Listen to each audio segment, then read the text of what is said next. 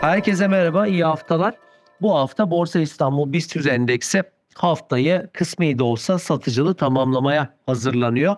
Çünkü haftanın ilk 3 işlem gününde borsaya gelen kar realizasyonları endeks tarafının negatif seyre haftalık bazda yönelmesinin sebepleri arasında yer aldı diyebiliriz. Burada belirtmemiz gerekir ki endeks tarafı 28 Mayıs. Yani Cumhurbaşkanlığı seçiminin ikinci tur sonuçlarının ardından hızlıca bir sert yükseliş hareketiyle e, aslında güne başlamıştı ve bu süreç 28 Mayıs tarihinden geçtiğimiz haftaya kadar %25 neredeyse soluksuz bir yükselişe sebebiyet vermişti ve buradaki %25 bir yükselişin ardından tabii ki Borsa İstanbul tarafında bir kar realizasyonları beklentisi oluşmuş olabilir.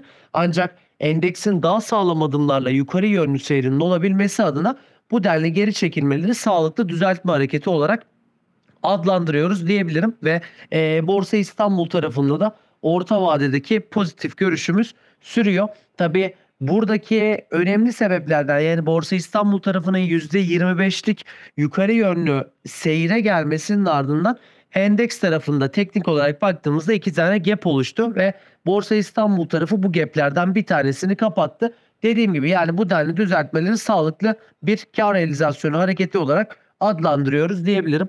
Diğer taraftan %25'lik yükselişin ana teması burada Türkiye Cumhuriyet Merkez Bankası tarafındaki ortodoks politikaya geçiş olabilme algısı. Genellikle biraz daha bu hamlenin yoğunlaştığını söyleyebiliriz. Çünkü Mehmet Şimşek ve Cevdet Yılmaz'ın kabinede olmasının ardından Merkez Bankası başkan değişikliğiyle birlikte ortodoks politika olabileceğine dair algı fazlasıyla artmış durumda.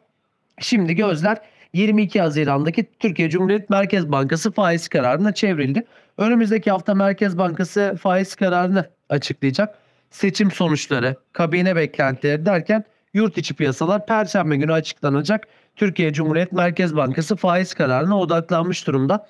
Cumhurbaşkanı Erdoğan'ın seçimi kazanması ardından Mehmet Şimşek'le görüşmesi sonrasında ortodoks politikaya geçiş beklentileri kabinede ekonomi anlamında sadece Mehmet Şimşek değil Cevdet Yılmaz'ın da olmasıyla bu ortodoksa geçiş algısı fazlasıyla güçlendi. Gözler Merkez Bankası Başkanlığı'na çevrilmişken en güçlü aday olarak medyada gösterilen Hafize Gaye Erkan'ın Merkez Bankası Başkanlığı'na atanması ile sert ortodoks geçiş ihtimali piyasalar tarafından bankacılık sektörü önderliğinde fiyatlanıyor.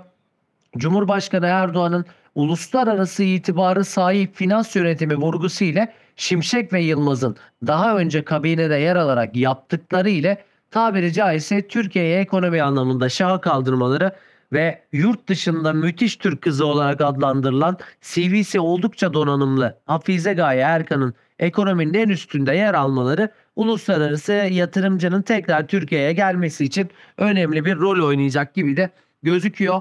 Hazine Bakanı Şimşek'in rasyonellik ve Türkiye Cumhuriyet Merkez Bankası'nın bağımsızlık vurgusuyla ortodoks hamleler 22 Haziran tarihinde beklense de Cumhurbaşkanı Erdoğan'ın faiz indirimleri, söylemleri kafaları karıştırıyor aslında.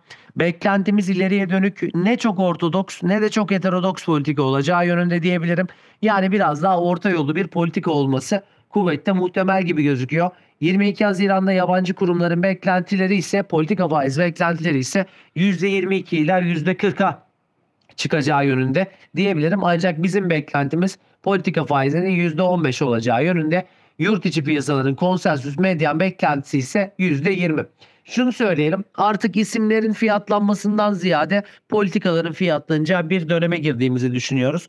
Para politikası karar metninin büyük kısmının değişeceğini öngörüyoruz ve karar metninde de geçtiğimiz dönemin aksine liralaşma stratejisinin farklı söylemlerle olmasını bekliyoruz. Yani faiz artırımlarının TL'nin değer kazanması adına ortodoks yöntemlerle olacağı vurgularını bu metinde görebiliriz diyebilirim.